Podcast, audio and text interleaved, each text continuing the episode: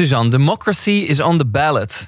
Ja, dat hoor je heel vaak, hè? Waar hebben we het over? als het over de Amerikaanse midterms gaat. Zeker. Überhaupt in Amerika. We hebben de vorige keer het gehad met Laila Frank over de wankele democratie in Amerika. Komt nu eigenlijk ook gewoon weer terug. Wankelt nog steeds wel een beetje. Wankelt nog steeds een beetje heel erg. Nou, Amerikaanse tussentijdse verkiezingen elke vier jaar. Maar als het op de helft van een presidentiële termijn is, dan noemen we het midterms. En eigenlijk is dat altijd een soort afrekening met het beleid van de president. Eh, nou, zullen we eens gaan kijken of dat deze keer ook het geval gaat zijn. Dit is de Ver van je bed show, de geopolitieke podcast die je wel kunt volgen. Van Scholz tot Macron en van cyberoorlogen tot de klimaattop in Egypte. Wij, Suzanne Hugel en Jos de Groot, bespreken iedere week met een topgast de ontwikkelingen in de wereld. En we praten over onderwerpen waarvan wij denken, hier moet jij meer over weten.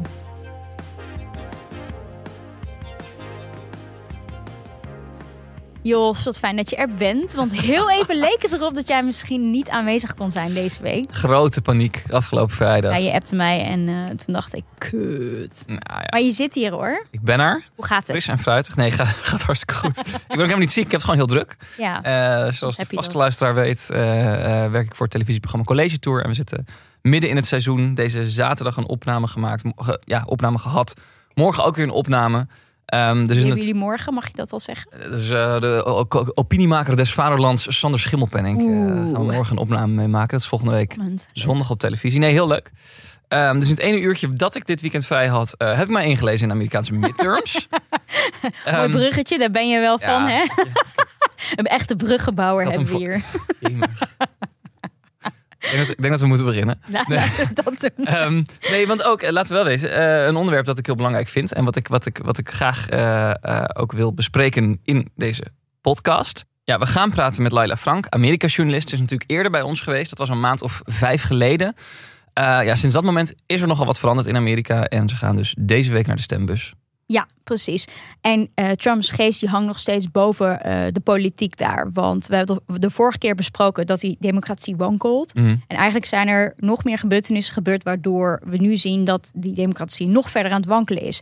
Namelijk, het Hoge Rechtshof eh, die heeft de abortus verschoven naar de staten. Roe v. Wade, de wet die abortus toestaat op landelijk niveau... die is teruggedraaid. Dus de staten hebben daardoor Ja. meer macht gekregen.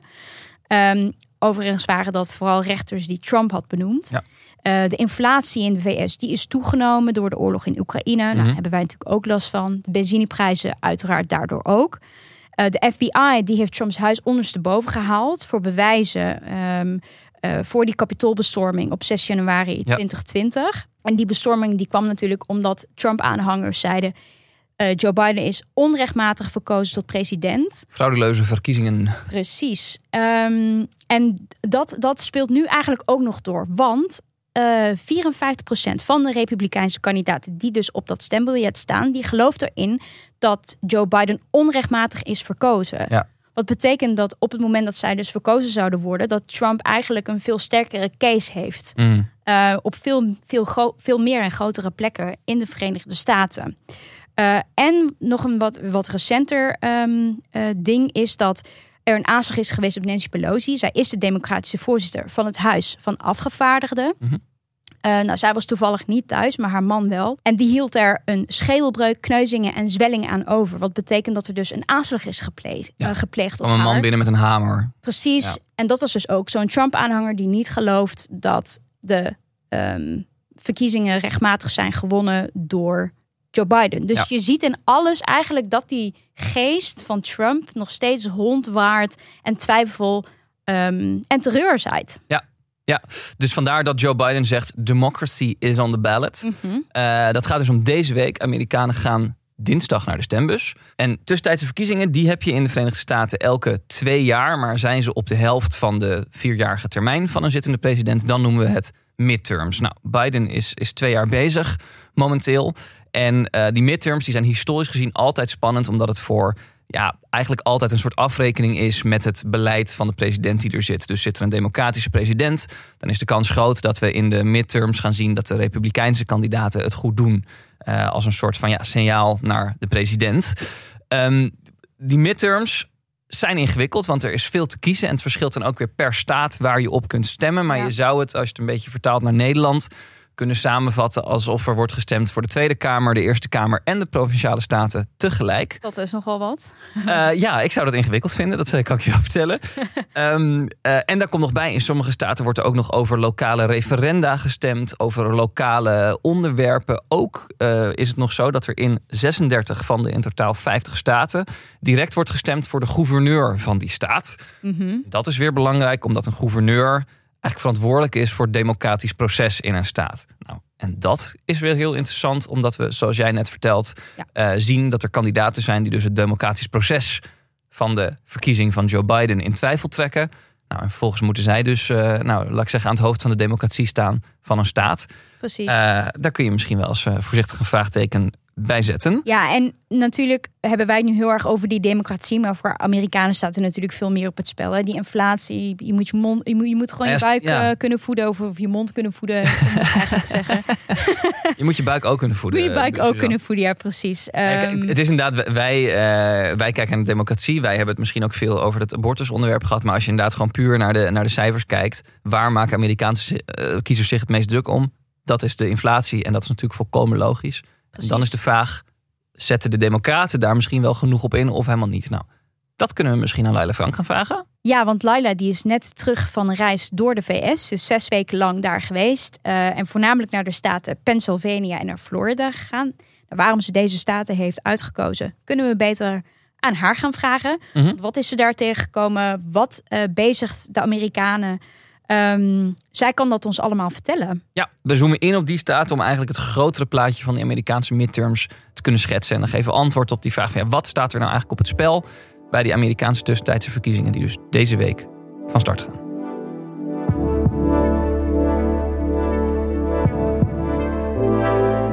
Laila, welkom. Dankjewel. Nou, ik wil je eigenlijk eerst uh, feliciteren, want je hebt een prijs gewonnen met je podcast. Welkom in Washington. Sterker, met mijn hele oeuvre. Ja, precies, dat wil ik. Dat is wel echt cool, hè? Als je een prijs voor je oeuvre. Ja, leuk hè?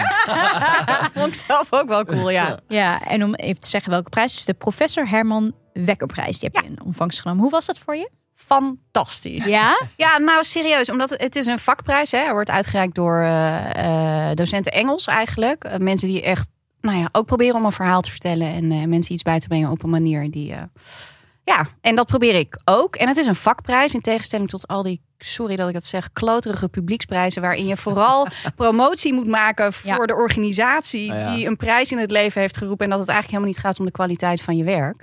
Dus ik vond dat een hele eer. Ik vond ook een hele eer omdat het, ja, het is een journalistieke prijs. Het is een prijs voor journalisten die nieuws brengen uit een Engelstalig land. En dat op een bijzondere manier doen. Ja. En journalistiek is voor mij ja, ik ben pas vier jaar journalist. Um, het is altijd ook een beetje vechten met wanneer, wanneer ben je dat dan? En wanneer bevestiging mag... van dat het allemaal goed gaat. Ja, uh, ook, dus, uh, ja, ik, cool. ja, dus ik ben er super blij mee. En wat leuk dat je daaraan refereert. Ja, ja. Um, we vertelden het al in onze intro, maar jij bent natuurlijk naar uh, de VS geweest. Je hebt daar zes weken rondgereisd en met mensen gesproken.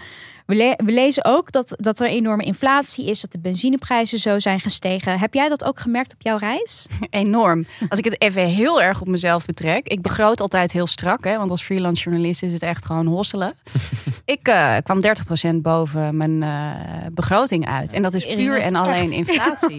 en ik liep hier de Albert Heijn in na zes weken en ik dacht, oh, dit is echt niet duur. Nou, dat is precies. Nee, dat is de enige in Nederland zo? die dat denkt. Daarom. Dus oh. dat, dat zegt je wel iets. En als ik het hè, even vertalen naar de Ik heb in Pennsylvania die laatste drie weken. Je rijdt elke dag langs de pomp. En huppakee, elke dag ging het weer een beetje meer. Een krop sla was 5 uh, dollar. Dus ja, ik zie je mond openvallen. 5 dollar? Dus ik heb oh heel veel God. avocado's gegeten. Want dat was eigenlijk het enige wat nog een beetje betaalbaar was. Omgekeerde wereld. Dat, dat, die zijn niet meer... Uh... Nee, dat is waar. Maar goed, je zit daar dicht bij Zuid-Amerika. Dus ja, nee, die inflatie ja. en dat um, de bread and butter onderwerpen... die spelen enorm voor Amerikanen. Mm. Het is gewoon heel duur op dit moment om een normaal leven te leiden. En nou ja, wij weten het allemaal. Die Amerikanen rijden gewoon veel in een auto. Want er is bijna geen alternatief. Ja, precies. Ja, je moet toch elke keer je tank vol gooien. En dat, is, dat kost gewoon geld. Ja. En dat... dat uh, one way or the other moet het ergens vandaan komen. En het komt nu alleen maar bij de mensen zelf vandaan. Ja, want nou ja, je gaat erop in, dat wilde ik ook vragen. Want hoe belangrijk is het nou voor de Amerikanen dat die prijzen zo de lucht in zijn geschoten? En dat zij dus het zwaar voelen aan hun portemonnee. Ja, heel.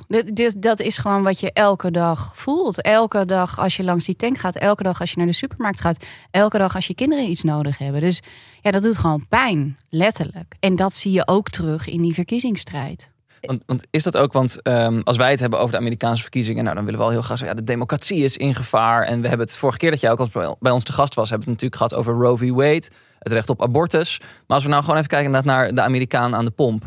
eh, is die bezig met de staat van de democratie? Of gaat hij stemmen met eh, de grootste kans dat hij nog rondkomt deze maand? Laat ik het Ja, je komt in het allergrootste campagne-cliché eh, terecht wat er Mm. is. It's the economy, stupid. Maar het Ja. is wel zo. En kijk, Amerikanen, je, je maakt gewoon een rijtje in je hoofd van dingen die je belangrijk vindt op basis waarvan je stemt. En zowel bij Democraten als Republikeinen staat die economie zo goed als bovenaan. Bij de Democraten wisselt dat nog wel een beetje, maar zeg in de top twee of drie. Ehm, en dat wil niet zeggen dat je de democratie niet ook belangrijk vindt. Of dat je het recht op wapenbezit niet ook belangrijk vindt. Maar datgene wat je elke dag voelt, waar je elke dag mee te maken heeft, ja, dat is toch je portemonnee. En, en jij was ehm, in Pennsylvania en in Florida. Ja.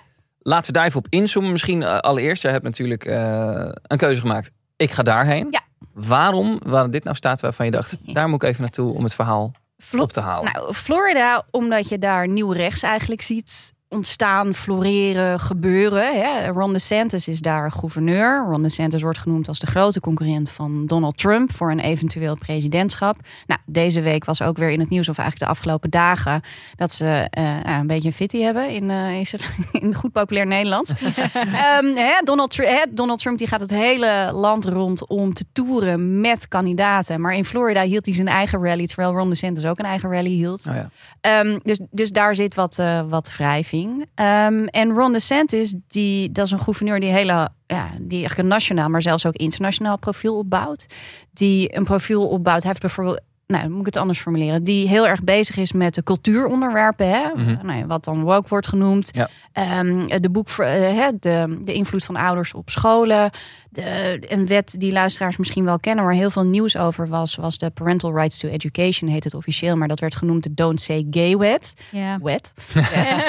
dat je ehm, onder de acht jaar het niet over seksualiteit Ja. en gender mag hebben. Nou, dus die, die cultuuronderwerpen die spelen daar heel erg. Ik zag ook zo'n poster bij hem, nou zo'n campagne slogan achter met anti-woke of zo stond er. Ja, hij noemt zichzelf ook echt de anti-woke warrior. Hè? Dus, dus dat speelt daar heel erg.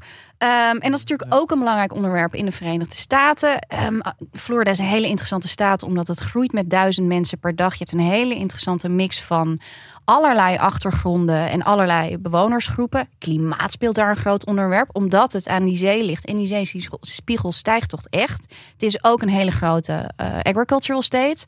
Eh, die boeren hebben ontzettend veel last van klimaatverandering. Dus er speelt heel veel. Eh, maar goed, mijn voornaamste reden was Ron DeSantis, zijn profilering. Hè, eh, eh, is er een partij mogelijk na Trump en hoe ziet dat eruit? En wat zijn die sentimenten van ja, wat ik maar even nieuw rechts noem? Eh, dus dat is één. Daarom wilde ik naar Florida. Mhm. Pennsylvania is de staat waar ik mijn hart heb verloren. eh, waar ik ook een tijdje Aan gewoond heb. Amerika of aan... Ja, aan Amerika Ja. wel. Dus de plek waar ik het eerst woonde toen Ja. ik in Amerika woonde. Ehm, Waarom daar? Ja, puur toeval. Ik Oh. wilde, de, de, ik, ik, eh, ja, echt, nou ja, niet helemaal puur toeval. Het was in 2012. Ik wilde meewerken aan campagnes, want ik wilde dat vak beter leren. En Pennsylvania was toen al een swing state en dat is het nog steeds. Dus, Ja. ehm, eh, nou ja, naar Pennsylvania. A, omdat ik van die staat hou. Omdat het een swing state is bij uitstek. Omdat je daar eigenlijk al die tegenstellingen heel goed vindt die je in heel Amerika vindt. En al die onderwerpen die spelen tijdens zo'n eh, campagne. Ja, en de staat gewoon goed. Dus er zijn ook plekken waar ik graag terugkom, waar ik mijn thermometer er even in steek.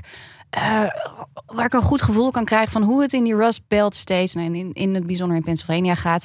En eh, je hebt ook nog eens twee hele spannende, ja, bijna spektakelraces in Pennsylvania. Dr. Oz, de grote televisiedokter, bekend geworden bij Oprah Ja, die tegen. ken ik echt van Oprah nog. Ja. Ik ken hem dus helemaal niet van Oprah. Maar Ja, ja, eh, inmiddels ben ik goed bijgespijkerd. En, en eh, verder mijn eh, opzienbarende, progressief, eh getatoeëerde hoodie-dragende Bernie-fan, zeg maar. Ehm, dus het zijn twee hele uitgesproken karakters... die ook ideologisch enorm uit elkaar liggen. Die er campagnematig een enorm spektakel van maken. Ehm, dus ja, de, alles lag in Pennsylvania. En dus ben jij met je thermometer in de hand uh, door Pennsylvania en de Florida gegaan. Ja. Is er een ontmoeting, in, misschien een onmogelijke vraag, maar is er een ontmoeting in die, in die zes weken of die het meest bij is gebleven? Dat je dacht, ja, hier, hier gaan die verkiezingen over. Laat ik ze even opsplitsen in twee. ik... Vooruit. Nee, is goed. Ja, nee, ja, het, is een, het is namelijk een onmogelijke vraag. Uh, maar dat geeft niet, want dat maakt het ook wel weer een interessante vraag. Laat ik even terug. Ik denk zitten, ik doe mijn ogen dicht en ik denk terug aan Pennsylvania. En in Pennsylvania heb je Fulton County. En dat is het meest conservatieve, meest republikeins stemmende uh, stemgebied in Pennsylvania. Het ligt helemaal in het midden, een beetje in het zuidenmidden. Uh, 84,5% stemde voor Donald Trump in 2016. Zo. Uh, en 2% meer in 2020. Ik zit er denk ik 1% na, maar, maar hou me ten goede. Geef je. En, en ik kom daar altijd terug. Ik ben daar een keer per ongeluk beland, omdat ik dan koffie zoek op een van mijn tochten. En toen beland ik in een theetentje en er was een ontzettend leuke eigenaresse. En die nam me onder de arm. En sindsdien kom ik daar altijd terug. En zij is democratisch. Dus, en zij heeft eigenlijk altijd gelijk gehad als het gaat over waar gaat het heen en wat is de stemming en wie wordt de president. Um, ik ben daar terug heen gegaan. Uh, heb daar een aantal hele bijzondere ontmoetingen gehad. Maar uh, in antwoord op jouw vraag, ik ontmoette daar Julie Dovey. En Julie is uh, daar geboren en getogen, komt uit een republikeins gezin. En voelt zich echt conflicted. Is, is, is in, in strijd met zichzelf en, en, en met de, de, ja, haar idealen en datgene wat er aan de hand is. Zij heeft in 2016 en 2020 met heel veel pijn en moeite democraat gestemd. Mm. Oeh. Um, echt als enige ongeveer daar. Dan. Zo voelt het ook Ja. voor haar. En uh, dit keer, kijk, zij zegt: ik, Het doet me vreselijk veel pijn, maar ik moet weer, in ieder geval als het om de gouverneur gaat, democratisch stemmen. Omdat ik niet kan stemmen op iemand die de uitslag van de verkiezing niet erkent. Ehm, dat is voor de gouverneur. De senator, daar heeft ze dan veel meer moeite mee, want ze vindt zo'n Fetterman veel te links. Dus dat laat al zien hoe, hoe in strijd dat met elkaar is. Maar ik vroeg aan haar. Ehm, want dat heb ik eigenlijk aan iedereen gevraagd, omdat Joe Biden steeds maar heeft. It's about the soul of the nation. Dus ik vroeg aan haar: Denk je, do you believe America has a soul? And if so, can you describe that soul? En toen zei zij: Ik wou dat we luisterden naar onze Better Angels, zoals Lincoln dat zei. En ze schoot vol. En ze, er kwam een traan op haar wang. En toen zei ze: Maar ik denk eerlijk gezegd dat we het kwijt zijn. Oeh, die voel ik zelfs. Ja, nou, ik voel hem dus zelf nu Ja. ook. Dus zij zat te huilen en ik zat te huilen. Want ja, zo gaat dat dan op zo'n moment. Want je Ja. deelt dan toch iets heel intiems. En, en we zaten in een klein eh, supermarktje wat gerund wordt door de Amish. Want je hebt heel veel Amish in Pennsylvania. En, en daar tegenover is vorig jaar een heel grote muurschildering ontstaan. Met aan de rechterzijde Donald Trump, aan de linkerzijde Jezus. Dat zag ik op jouw Instagram voorbij Ja, komen. Ehm, Ja, dus, ja. dus het contrast Bizar beeld. Heel bizar beeld. En ehm, ik vond de ontmoeting ook heel interessant, omdat zij vertelde, en dat is een beetje een onderstroom die ik merk zowel in Florida als Pennsylvania. Zij zei: Ik ben eh, jeugdwerker. Ehm, en tijdens corona. eh, werd ik alle kanten opgestuurd door de overheid. Dus zij zei: Ik geloof heel erg in een kleine overheid. Hè. Dat is waar ik vandaan kom. Dat is mijn vorm van conservatisme. Maar de, die kleine overheid was wel altijd een betrouwbare partner. En tijdens corona heb ik ervaren dat het helemaal geen betrouwbare partner was. Dus die coronaperiode heeft bij haar fundamenteel iets veranderd in haar relatie tot de overheid, die toch al zeer beperkt was. Wat was dan datgene wat dus, wa- waar, waardoor Wat- het onbetrouwbaar werd? Omdat de overheid zei: eh, je mag wel bij mensen thuis langs gaan, je mag niet bij mensen thuis langs Oh ja. gaan. Je moet zo lang, je mag dat, je moet, een, je moet wel een in, je moet niet, eh, je moet een mondkapje, je moet niet een mondje. Dus, dus voor haar werd haar werk, de instructies die ze kreeg over haar werk, werd heel onduidelijk. En dat heeft bij haar echt een litteken achtergelaten. En wat ik voel en zie en terughoor in de gesprekken bij Amerikanen is, zeker bij de, hè, de wat conservatieve of de republikeinen, is dat idee dat die overheid zo veel te ver heeft ingegrepen in het leven van Amerikanen.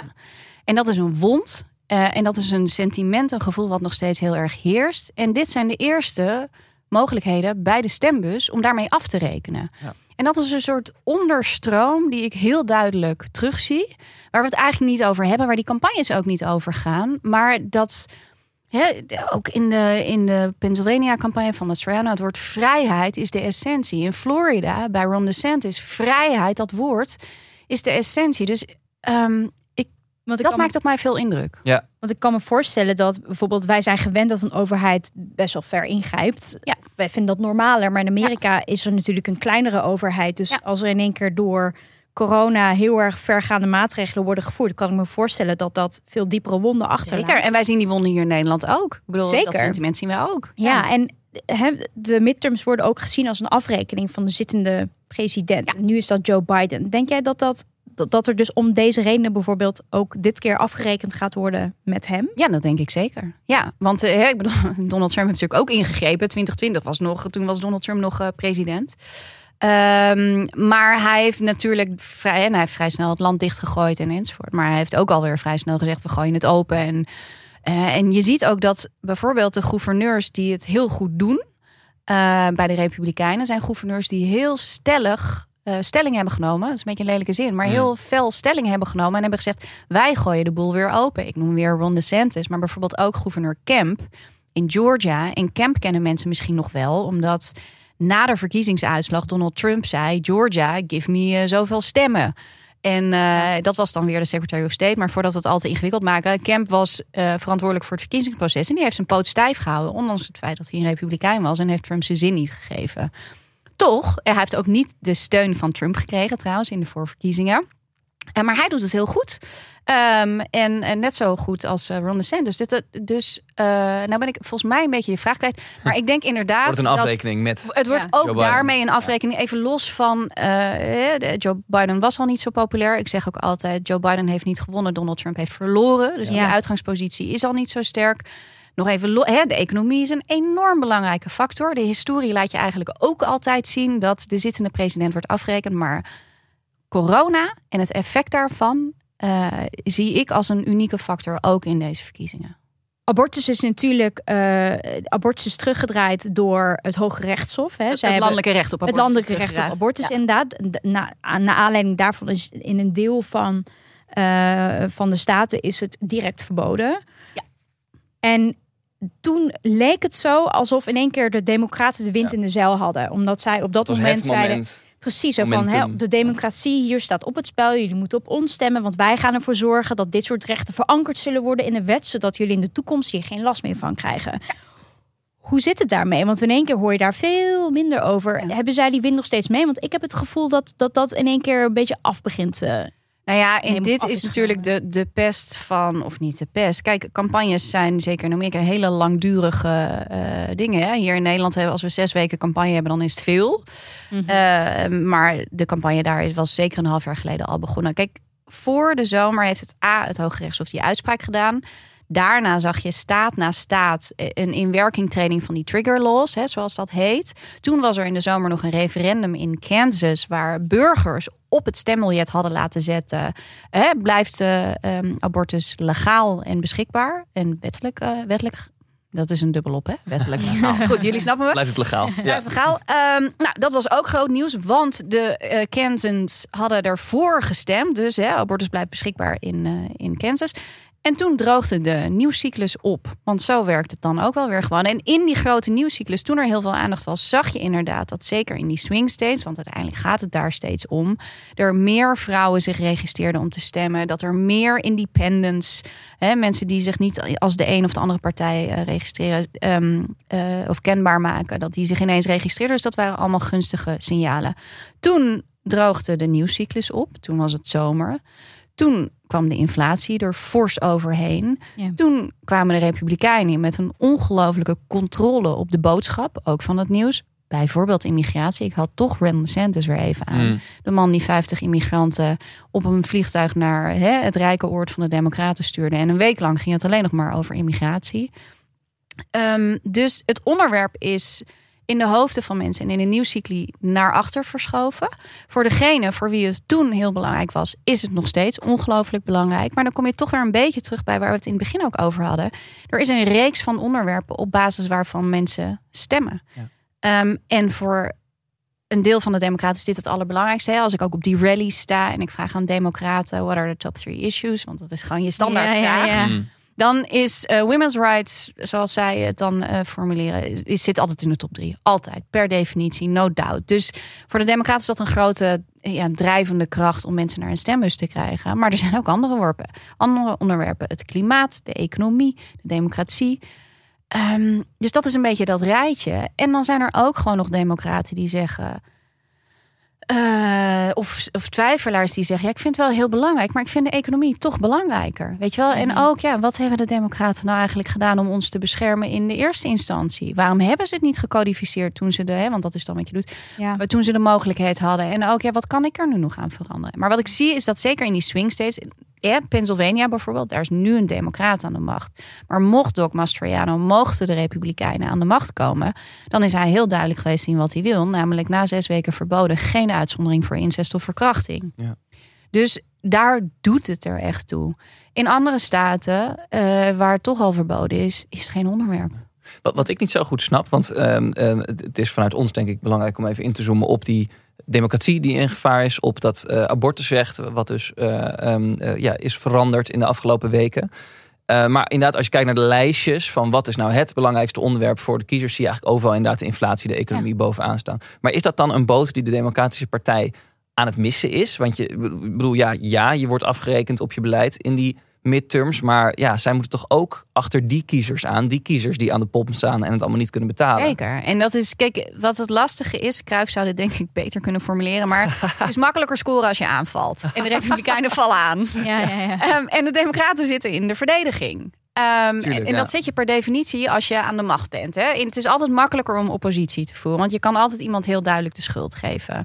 Ehm, en wat Joe Biden probeert is te zeggen: ik heb een aantal grote uitgaven gedaan, inderdaad. Ik heb een aantal wetsvoorstellen er doorheen gedaan die goed zijn voor de middeninkomers, die goed zijn voor de working families. Alleen mensen voelen daar niet meteen het resultaat van. Het is ook heel abstract. Het is veel makkelijker om naar die pomp te wijzen en te zeggen dat is de schuld van de Democraten, Ja. dan om een ingewikkeld beleidsvoorstel waar je uiteindelijk profijt van gaat. Dus, dus dat maakt het al heel moeilijk. En wat je ziet is dat de Democraten, zeker deze laatste week, eigenlijk twee tactieken inzetten. Het ene is de schuld van de gestegen benzineprijzen neerleggen bij de oliemaatschappijen. Mm. Joe Biden, ik geloof een dag of twee geleden, heel. Nou, ik wou zeggen gepassioneerd, maar dat woord past toch niet helemaal. Nee. Deze Ik zie hem zelden. Ja, ja, precies. Ah, sorry Joe. Ehm, maar eh, op zijn manier ehm, bevlogen Mm. eh, zeggen... ja, hè, de afgelopen twee jaar we hebben het allemaal moeilijk gehad. Maar wie zijn er rijk geworden? Die oliebedrijven. Mm. Het is natuurlijk een beetje een last minute strategie. Het andere wat je ziet de afgelopen week... is eh, de aanval op republikeinen... die als ze aan de macht komen, in de woorden van de democraten...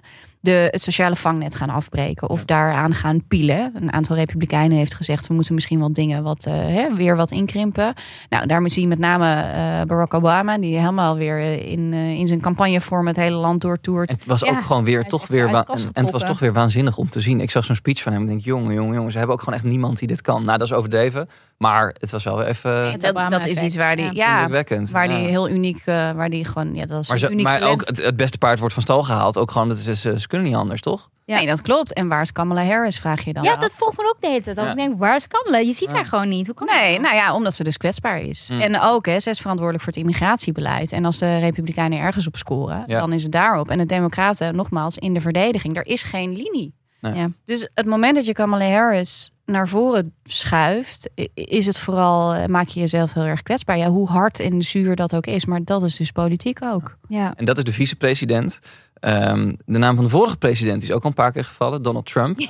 Ehm, ja, hij- komt de tijd terug. Maar wat is, nou eigenlijk, wat is nou eigenlijk die geest van Trump die boven deze verkiezingen hangt? Wat is nou eigenlijk zijn rol? Waar, waarom, waarom is het toch, kom je toch steeds weer bij alles, hoe het allemaal loopt nu, bij hem uit? Omdat we het er steeds over hebben. Ja, oh, dat, oh, dat is onze schuld. Oké, laten we Nee, het nee, niet nee, doen. nee, nee, nee, nee, nee, zeker niet. Nee, hij heeft absoluut een rol. Kijk, ehm, eh, eh, de- nou ja, op een aantal manieren. Ten eerste, hij is nog steeds mateloos populair bij de Republikeinen, bij de kiezers. Ehm, en het helpt jou, tenminste niet overal, hè, het helpt een groot deel van de Republikeinse kandidaten als zij Donald Trump achter zich kunnen scharen. Eh, en dan moet je je ook een beetje voegen naar zijn politiek. Ja. Dus ten eerste, het is electoraal opportun. Ehm, eh, dat is één. Ten tweede, de geest van Donald Trump waard rond, omdat Donald Trump heeft bedacht, verzonnen, dat de verkiezingen gestolen zijn. En twee jaar geleden was dat al een unieke situatie. Een president die dat doet, dat was nog nooit voorgekomen. Nou, toen kregen we de bestorming van het Capitool. Inmiddels zijn we twee jaar verder en meer dan de helft van alle Republikeinen op het stembiljet heeft die leugen overgenomen. Ehm, eh, en ik denk dat dat de grotere geest is van Donald Trump die rondwaart. En de consequentie daarvan is, kijk, ten eerste, dit hebben we nog nooit meegemaakt. Dus we weten niet hoe dat gaat uitpakken. Best case scenario, er komen allerlei, wat ze dan noemen verkiezingsontkenners, in functies terecht waarin ze gaan over de regels rondom het verkiezingsproces. precies. Ja. En dat zou kunnen betekenen dat ze de regels zo veranderen of willen veranderen. Eh, dat ze een verkiezingsuitslag kunnen manipuleren. Dat is de uiterste consequentie. Hè? Maar er gebeuren ook andere dingen. Ze kunnen het stemmen moeilijker maken. Ze kunnen heel veel audits. eh, ehm, hè, dus steeds maar weer opnieuw blijven tellen. Ik, ik denk dat de lijn die daaronder ligt, onder al die mogelijkheden die er eventueel zijn, is je voedt continu het wantrouwen in het systeem. Dus dat is één. Ja. Hè? Het alternatief is, dit gebeurt allemaal.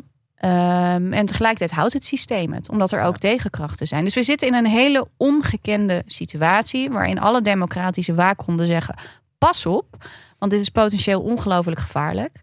Ehm, want als je hè, als er in 2020 andere mensen op posities hadden gezeten dan die mensen die weerstand hebben geboden, ja, dan weten we ook niet hoe het uitgepakt was, maar niet zo. Nee. Ja. En wat gaat het nou voor Joe Biden betekenen? Wat? Als, als, ehm, ja, als democraten een enorme nederlaag eh, tegemoet gaan bij Ja, die midterms. Wat betekent dat voor zijn positie? dan is hij feitelijk heeft hij, is, het, is het een pop zonder, eh, eh, zonder mandaat. Mhm. Dus dan is hij nog wel president, maar dan kan hij geen beleid meer doorvoeren. Dus dit was het einde van zijn beleidsagenda. Feitelijk het einde van zijn presidentschap en het begin van de presidentiële verkiezingen. Nou, wat een heerlijke optimistische boodschap om deze... Ja, nou ja, het, het is wat het is, jongens. Ehm, nou, laten we dan met die woorden afronden. Het is wat het is, zeker. Ehm, maar niet voordat we jou... It is what it is. Dat zijn volgens mij de woorden van Trump. Niet te bedenken. It is what it is. It is what it Exactly. is. Ja. Eh, we, gaan- we hebben jou natuurlijk ook, ook om een tip gevraagd. We zijn heel benieuwd wat jij voor ons hebt meegenomen. Ja, het leuke is, ik liep net de trap op en toen dacht ik, oeh, daar had ik nog even over na moeten denken. Ik heb een tip. Ehm, in het kader van, eh, weet je, de wereld gaat naar de kloten. We hebben het hier ook. Ik bedoel, het is allemaal niet zo'n hele fijne, prettige periode. Ook in. Amerika, waarin alles gepolariseerd is. Maar als je even een goed gevoel wil krijgen, raad ik iedereen aan om naar YouTube te gaan en te zoeken op Marvin Gaye Anthem NBA. Oh, Marvin Gaye. helemaal een soort van... Ja, kijk. Marvin Gaye heeft in volgens mij 1973 bij een All-Star Game het de Star Spangled Banner mogen zingen. En ik weet nog dat we vorig jaar het ook over het volkslied gehad. Ja. En je was Lady weet, Gaga. je weet niet wat je meemaakt als je het ziet. Kijk, er zijn allerlei verhalen over die tijd. en Marvin Gaye, dit was ook ongeveer zijn laatste optreden. Niet veel later is hij doodgeschoten door zijn vader. Het is één grote tragiek.